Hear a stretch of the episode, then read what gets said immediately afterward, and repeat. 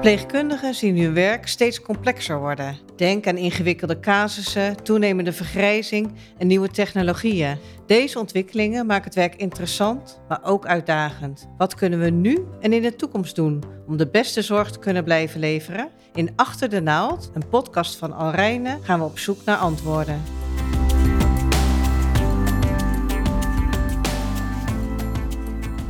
Hallo, ik ben Lisette Larsen.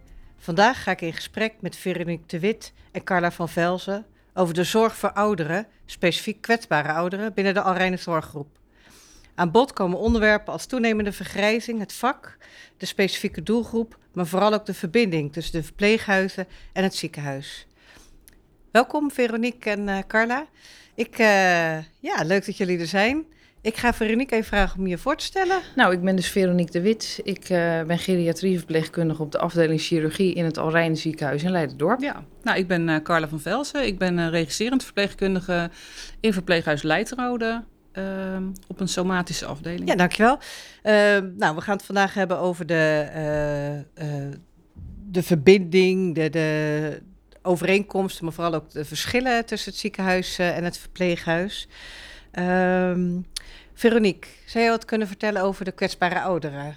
Zeker. Uh, op de afdeling zien wij vaak dat er kwetsbare ouderen worden opgenomen. Dat gaat dan vaak uh, om patiënten met een hoge leeftijd die vaak meerdere ziektebeelden hebben, meerdere kwetsbaarheden hebben voor veel voorkomende geriatrische problemen.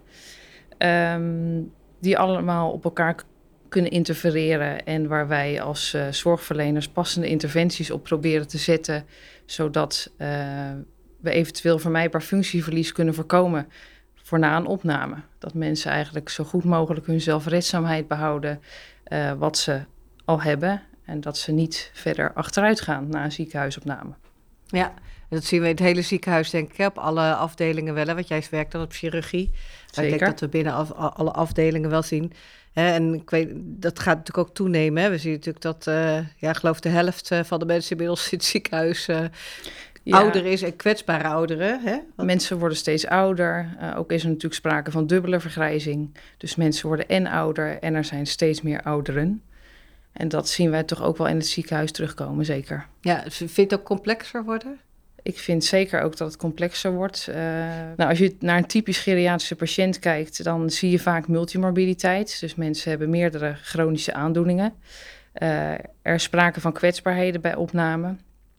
Uh, bijvoorbeeld risico op ondervoeding, op een delier, op een valincident, op fysieke beperkingen of die zijn al aanwezig. Vaak gebruiken mensen ook veel medicijnen die ook weer bijwerkingen hebben, waar we natuurlijk ook rekening mee moeten houden. En als verpleegkundige moet je ten aanzien van de kwetsbare ouderen heel kausaal kunnen denken. Dus echt causale verbanden kunnen zien.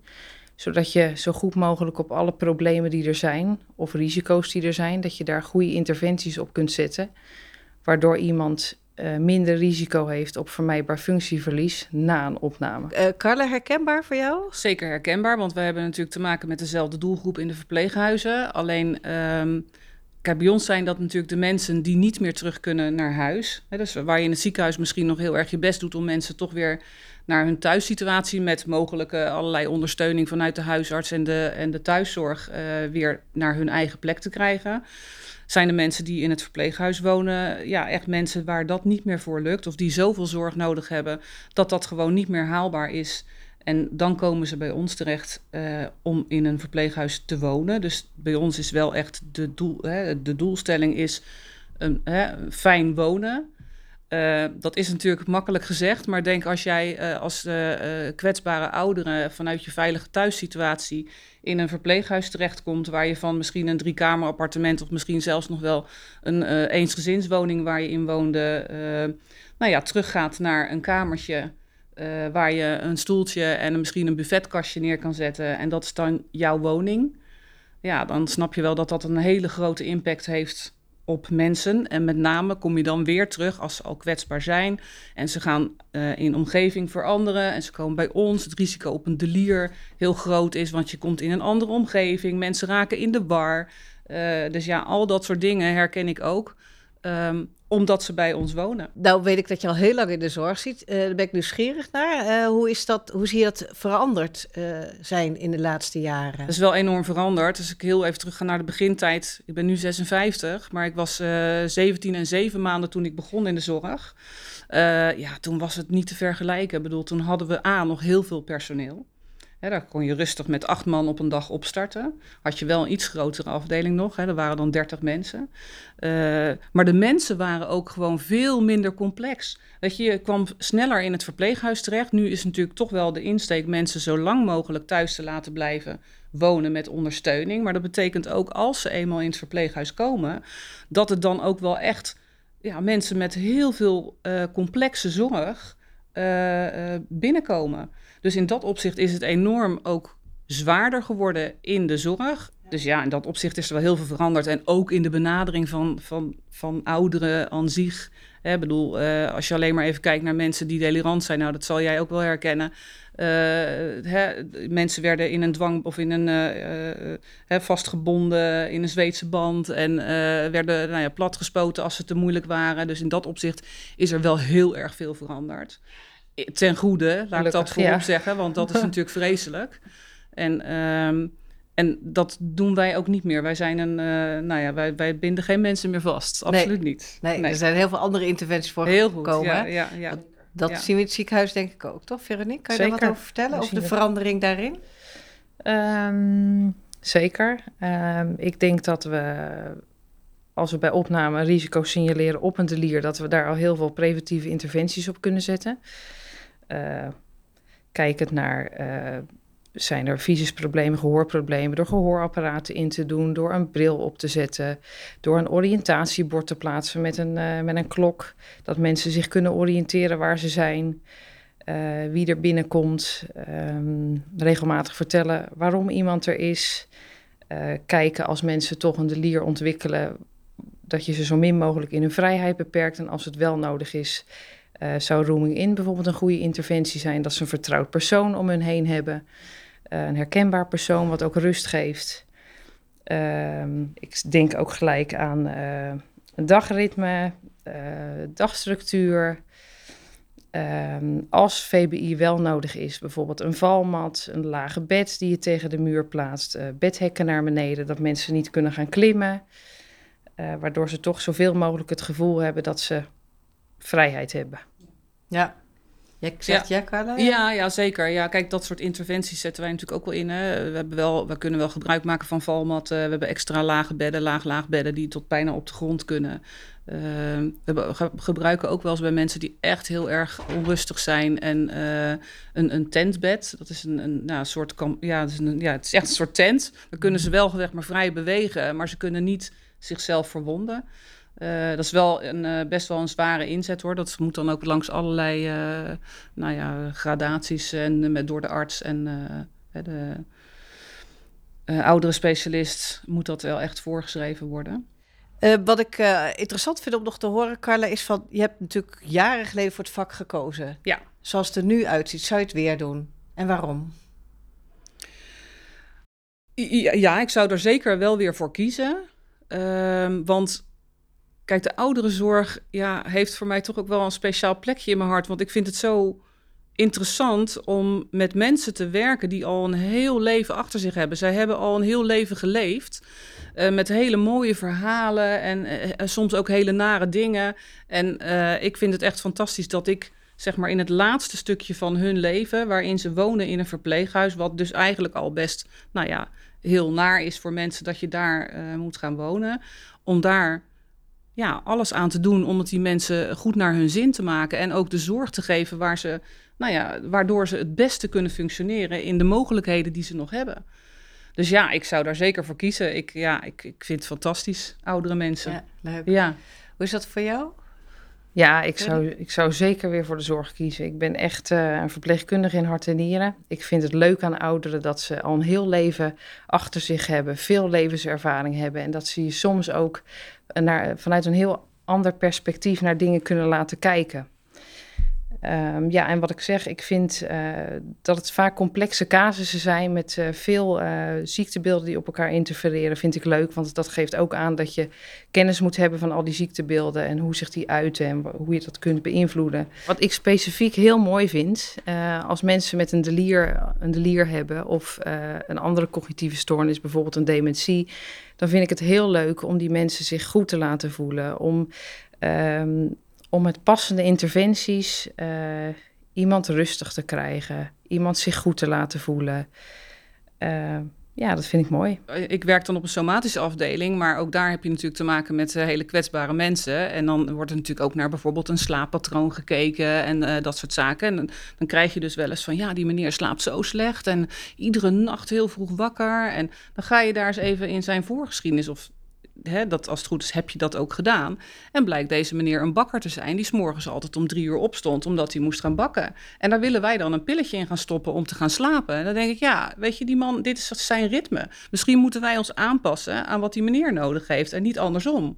Heel interessant, want daar is denk ik wel, zijn de meningen natuurlijk heel erg over veranderd de laatste jaren. Ja. Leuk. Iets wat me net nog opviel, uh, we hebben het nu natuurlijk over, jij zei net verteld, als mensen dan opgenomen moeten worden in het verpleeghuis, hè, dan ze moeten hun huis achterlaten. Zie je ook positieve ontwikkelingen bij een opname? Uh, nou, dat vind ik best een lastige vraag eigenlijk. Want ik denk dat in de eerste instantie mensen altijd tegen een enorm verliesgevoel aanlopen van regie, huis, uh, uh, veiligheid, noem maar op. Dus mensen hebben wel echt een, een um, periode nodig om te wennen. En ik denk dat het onze taak is om die mensen ook zo goed mogelijk mee te nemen in dat wenproces. En dan zie je natuurlijk na verloop van tijd dat mensen ook heel blij zijn, want er worden ook dingen voor hun makkelijk gemaakt. Weet je, ze hoeven dan niet meer zelf voor het eten te zorgen of uh, naar allerlei dingen waar ze constant tegen hun beperkingen aanliepen, dat wordt ze nu uit handen genomen. Dus het levert ze uiteindelijk ook wel iets op. Um, maar het heeft wel even nodig. Mensen zullen toch echt eerst dat verlies moeten verwerken. Want dat is wel echt heel veel impact. Ik weet niet, Veronique, zie jij dat binnen het ziekenhuis wel eens... dat mensen die opgenomen worden eigenlijk opfleuren van de opname? Zeker. Je ziet onder ouderen toch dat er uh, veel eenzaamheid is. Dat ze soms weinig sociale contacten hebben. En dat als ze in een ziekenhuis komen... dat ze bijvoorbeeld op een vierpersoonskamer liggen, aanspraak hebben... Uh, ook ten aanzien van de verpleegkundigen. En dat ze dat inderdaad opbloeit. En dat ze ook kunnen vertellen over wat ze zelf ervaren, wat ze ervaren hebben. Dat ze dat echt goed doet. Ja. We gaan het even over een andere boeg gooien. Want ik ben eigenlijk wel heel erg benieuwd hoe het nou is met de samenwerking tussen de verpleeghuizen en de ziekenhuizen. Ja, natuurlijk krijgen we dan altijd een overdracht. En uh, ik weet wel dat er uh, de laatste tijd ook uh, veel ontwikkelingen zijn op het gebied om dat nog te verbeteren. In de vorm van warme overdrachten en de, de PVE, waar we natuurlijk nou ja, betrokken bij zijn. om juist ook die ketenzorg tussen, nou zelfs vanuit thuis, huisarts, thuiszorg, ziekenhuis, verpleeghuis, goed vorm te geven. Ik denk dat daar nog heel veel te winnen valt. Er is een commissie die binnenkort gaat starten, PVE. Nou ja, dat moet nog opgezet worden, maar ik weet wel dat we al bezig zijn met uh, zaken in kaart te brengen. Van wat voor trajecten lopen mensen nou? Hè? Van het moment dat ze zeg maar uh, door de huisarts uh, gediagnosticeerd worden met iets, doorgestuurd naar een ziekenhuis of via de spoedeisende hulp in het ziekenhuis komen. Ehm, om dat in kaart te brengen van wie is daar nou allemaal bij betrokken en wat doen die allemaal en is dat, kunnen we dat niet vermakkelijkeren voor de patiënt of de bewoner? Want ik heb me nooit gerealiseerd, als mensen bij ons in het verpleeghuis komen, dan hebben ze al een heel traject gehad van allerlei uh, disciplines die uh, met ze te maken hebben gehad, allerlei informatie. En, en dan komen ze bij het verpleeghuis en dan begint dat eigenlijk weer helemaal opnieuw. Terwijl als je dat meer zou kunnen clusteren, dat misschien makkelijker zou zijn voor de, de bewoner of de patiënt om dat ook te begrijpen. Dat ze niet constant dezelfde dingen hoeven te vertellen. Of, dat is één ding. En wat ik ook tegenwoordig steeds meer zie, is de samenwerking op het gebied van als bewoners bijvoorbeeld naar een poliebezoek moeten. Um, uh, dan is dat best belastend, hè, want er moet vervoer geregeld worden, er moet iemand mee. Uh, je ziet nu steeds meer dat er ook wel bezoeken door artsen vanuit het ziekenhuis in het verpleeghuis plaatsvinden. Dus in plaats dat de bewoner naar het ziekenhuis komt, komt het ziekenhuis naar de bewoner. En waar ik zelf heel blij mee ben, is dat we goede samenwerking hebben met de wondpolie. Want in de verpleeghuizen hebben we natuurlijk ook wel te maken met mensen met decubitus of allerlei andere soort wonden.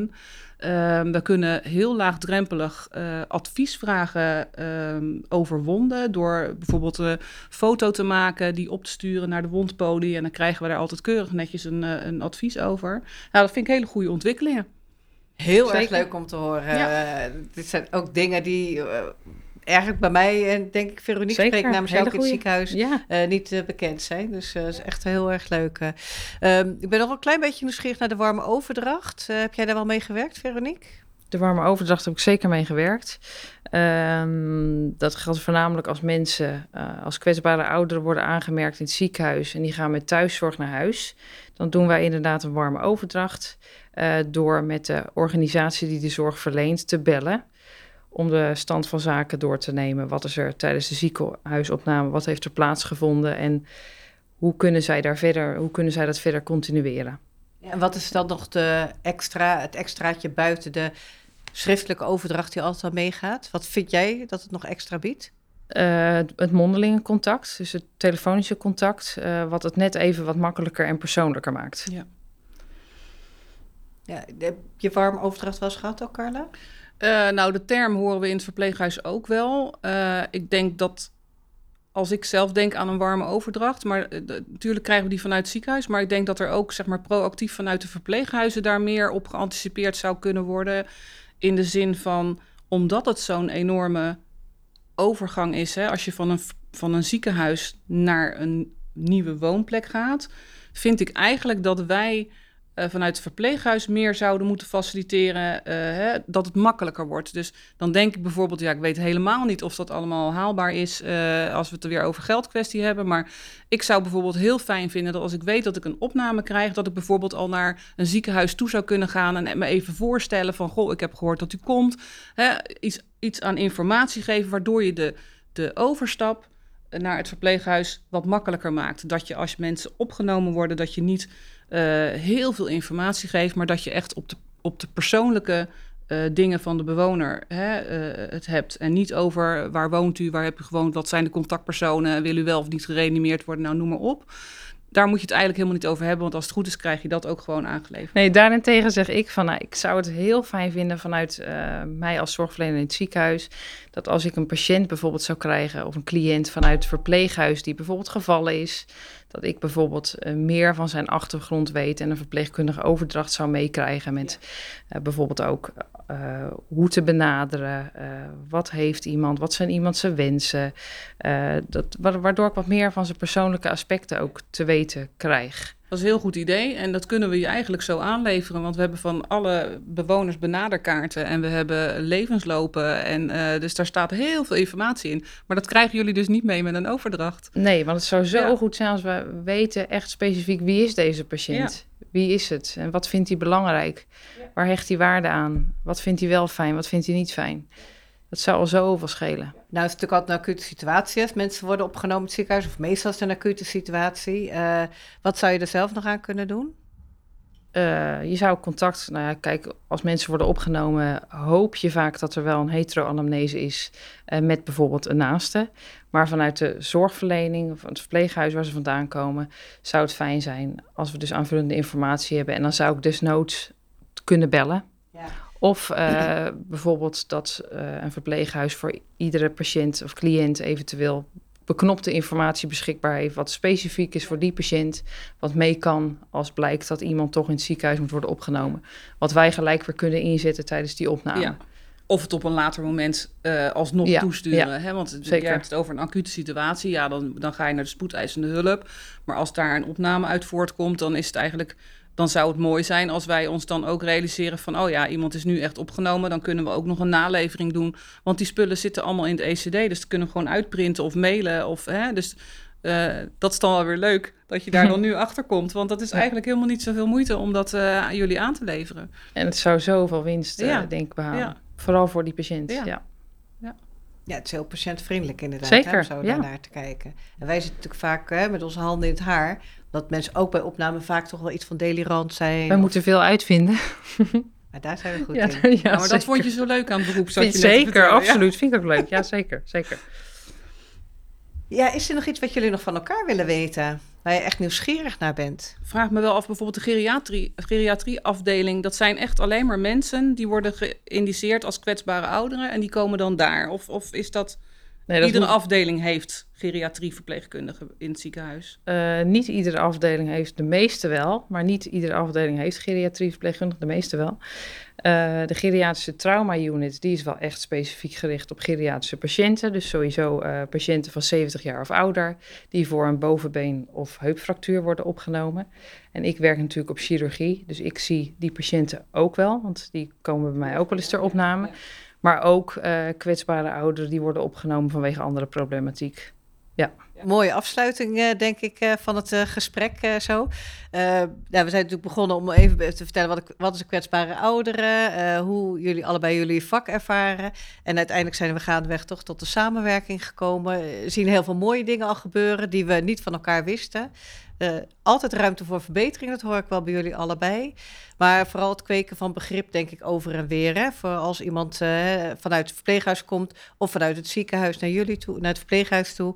eh, dat vooral kennis is macht eigenlijk, hè, in dit geval. Absoluut. Zeker, ja. Heel erg bedankt, eh, Carla en Veronique. Ik hoop dat dit ook misschien een aanleiding is voor mensen om zich nog wat meer te verdiepen in je collega's in de verpleeghuizen of in het ziekenhuis andersom. En heel erg bedankt. Geen dank. Graag gedaan. Bedankt voor het luisteren. Ben je benieuwd naar de andere afleveringen? Je vindt deze op Plaza. Je kunt je ook abonneren via Spotify, Apple Podcast of Google Podcast.